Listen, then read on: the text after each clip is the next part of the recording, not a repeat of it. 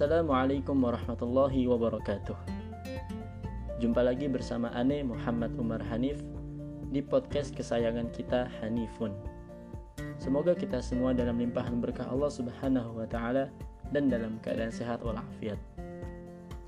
Sahabat hijrah yang dirahmati Allah Subhanahu wa taala, insya Allah kita akan lanjutkan ke episode kedua dari season muda menginspirasi yang membahas sepak terjang para pemuda kesatria Allah Subhanahu wa taala yang mengantarkan Islam pada kejayaannya.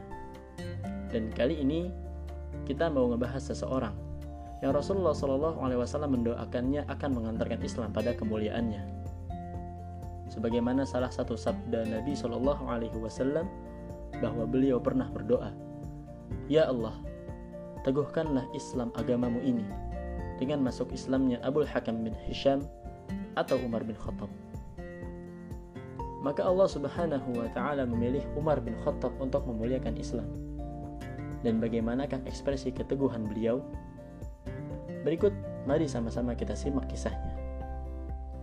Teman-teman yang dirahmati Allah Subhanahu wa taala, Umar bin Khattab terkenal dengan perangannya yang keras juga kasar. Badannya yang tinggi besar lagi kekar membuatnya ditakuti para pemuda di Mekah. Tidak ada seorang pun yang berani melawan Umar. Dan gak selesai hanya pada badannya, Umar memiliki keberanian dan mental yang amat tangguh di atas rata-rata. Salah satu contoh keberaniannya, tatkala Umar bin Khattab akan berangkat hijrah menyusul saudara-saudaranya ke Madinah. Berbeda dengan yang lain, yang hijrah dengan cara sembunyi dan berombong-rombongan, Umar melakukan sholat sunnah di depan Ka'bah sebelum hijrah lalu mengumpulkan orang-orang Quraisy lalu berpidato di depan mereka. Ishhadu anni muhajir ya ma'syarul Quraisy ishhadu anni muhajir. Saksikanlah bahwa aku akan berhijrah. Wahai orang-orang Quraisy saksikanlah bahwa aku akan berhijrah. Bagi siapa yang rela meninggalkan ibunya rela istrinya menjadi janda rela anaknya menjadi yatim temui aku di balik bukit itu. Umar menantang khalayak bagi mereka yang mau menghalanginya berhijrah. Dan setelahnya, Umar berhasil berhijrah ke Madinah tanpa ada hambatan sedikit pun. Teman-teman yang dirahmati Allah Subhanahu wa taala.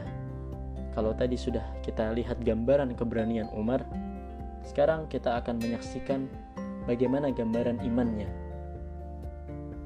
Kisahnya terjadi pada saat beliau baru saja masuk ke dalam agama Islam baru saja menyatakan kesetiaannya pada Allah dan Rasulnya. Di depan Rasulullah Shallallahu Alaihi Wasallam, Umar berkata dengan sangat mantapnya, Ya Rasulullah, bukankah kita ada di atas kebenaran? Bala, engkau benar. Bukankah orang-orang kafir itu di atas kebatilan? Bala, engkau benar. Bukankah kalau kita mati di jalan ini, mati fi sabilillah mendakwahkan agama Allah, akankah kita mendapat surga? Bala, engkau benar. Dan bila mereka mati dalam kekafiran mereka, dalam keadaan memerangi agama Allah, mereka akan masuk neraka?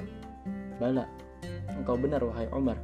Lalu mengapa kita masih diam di sini ya Rasulullah? Ayo kita keluar. Kita tunjukkan bahwa kita muslim. Kita bangga dengan la ilaha illallah. Kita bangga dengan keislaman kita. Kita tunjukkan mantapnya keimanan kita pada Allah Rabb semesta alam. Sahabat hijrah yang dirahmati Allah Subhanahu wa taala. Inilah contoh ekspresi iman sang Al-Faruq, Umar bin Khattab. Maka mereka semua bergandengan tangan. Hamzah menggandeng Rasul di kanan, Umar menggandeng di kiri. Dua jawara Makkah ini menggandeng kekasihnya, mengawal dakwah suci sang Nabi menuju Ka'bah sambil menyuarakan ahadun ahad, la ilaha illallah, Muhammad Rasulullah sebagai syiar keislaman. Dan apa yang terjadi? Mereka dipukuli, mereka dilempari batu, mereka dikeroyok. Maka bubarlah barisan kaum muslimin untuk melindungi Rasulullah Shallallahu Alaihi Wasallam ke tempat yang lebih aman. Dan apa yang terjadi pada Umar dan apa yang dia lakukan? Umar terus lanjut menyuarakan keislamannya.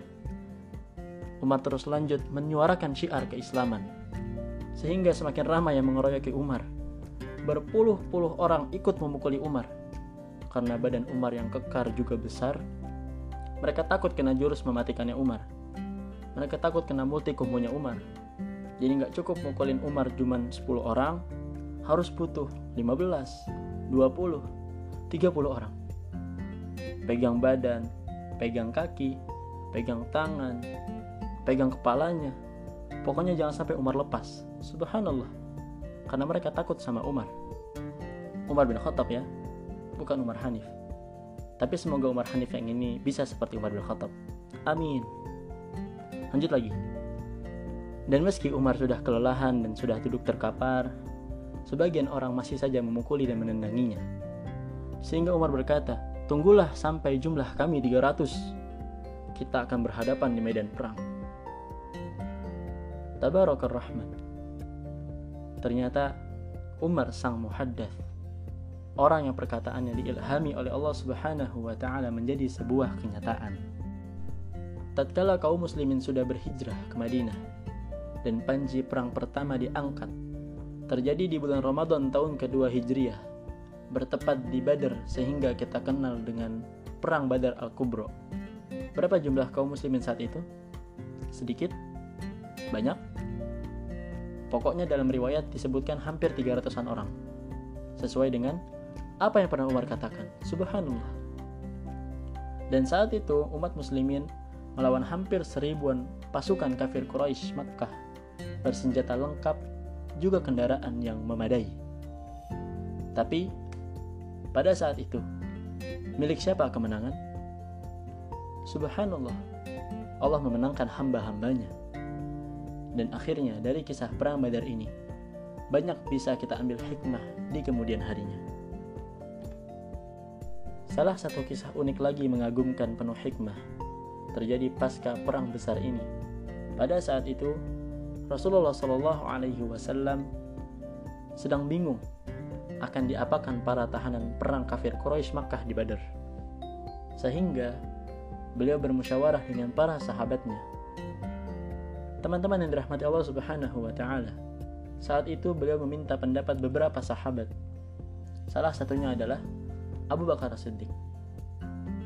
Maka Abu Bakar mengusulkan, "Ya Rasulullah, tawanan-tawanan kita ini potensial mereka dari kalangan bangsawan. Maka ambillah tebusan dari keluarga mereka di Makkah, agar bisa menopang kehidupan kaum muslimin di Madinah, karena kaum muslimin masih hidup dalam kekurangan. Setelah meminta pendapat dari Abu Bakar, Rasulullah Shallallahu Alaihi Wasallam meminta pendapatnya Umar radhiyallahu anhu. Maka Umar mengusulkan, Ya Rasulullah, serahkanlah Abu Aziz kepada Mus'ab serahkanlah Uqail kepada Ali serahkanlah Fulan kepada saudaranya ini serahkanlah Fulan kepada kerabatnya ini jadi teman-teman Umar menyebut nama-nama tawanan dan menyebutnya berpasangan bersama dengan kerabat yang telah masuk Islam lalu beliau melanjutkan usulannya maka perintahkanlah setiap kerabat yang muslim membunuh kerabatnya yang masih kafir Teman-teman yang dirahmati Allah Subhanahu wa taala, saat itu Rasulullah Shallallahu alaihi wasallam memilih pendapatnya Abu Bakar Siddiq, yaitu mengambil tembusan dari keluarga tawanan di Makkah. Maka turunlah ayat dari Allah Subhanahu wa taala sebagai teguran kepada Rasulullah Shallallahu alaihi wasallam, "Maka nabiyyin ay yakuna lahu asra hatta yudkhina fil ard." Tidaklah pantas bagi seorang rasul memiliki tawanan sebelum menundukkan seluruh musuhnya di muka bumi. Dan saat ayat ini turun, Rasulullah bersabda, "Kalau bukanlah karena ketetapan yang ada di sisi Allah sebelumnya, niscaya kami ditimpa azab lantaran tebusan yang kami terima." Teman-teman yang dirahmati Allah Subhanahu wa taala, tatkala ayat ini turun, Abu Bakar dan Rasulullah Shallallahu alaihi wasallam menangis. Umar dengan heran masuk ke dalam kemah Rasulullah dan bertanya, Assalamualaikum ya Rasulullah wa Abu Bakar. Kenapa kalian menangis? Apalah gerangan? Kalau ada hubungannya denganku, aku lebih berhak menangis daripada kalian. Dan kalaulah tidak ada hubungannya denganku, maka aku juga akan menangis karena kalian menangis. Maka Abu Bakar berkata, Wallahi, demi Allah, jika turun azab dari langit sekarang, tidak akan ada yang selamat kecuali Umar Tabarakar Rahman. Teman-teman yang dirahmati Allah Subhanahu wa taala, sahabat hijrah yang kusayangi. Sekali lagi, inilah Umar bin Khattab sang muhaddath. Sabda Rasulullah sallallahu alaihi wasallam, setiap nabi memiliki muhaddath, seorang yang Allah berikan ilham pada kata-katanya. Dan muhaddath di kalangan umatku adalah Umar. Kalaulah ada nabi setelahku, ialah Umar. Tapi tidak ada nabi setelahku. Akulah nabi terakhir, penutup para nabi. Subhanallah. Kisah sang Al-Faruq ini terlalu banyak untuk kita bahas di sini. Kisah masa pemerintahannya yang gemilang. Tatkala itu takluk dua negara adidaya, Persia dan Romawi di genggaman kaum muslimin. Kisah bagaimana beliau mengayomi rakyatnya dengan penuh kasih sayang dan kepedulian. Sehingga banyak hikmah yang bisa kita gali dan kita tuai. Sahabat hijrah yang dirahmati Allah Subhanahu wa taala, nantikan kisah-kisah muda menginspirasi selanjutnya di episode berikutnya. Tetap bersama kita di Hanifun. Barakallahu fikum. Wassalamualaikum warahmatullahi wabarakatuh.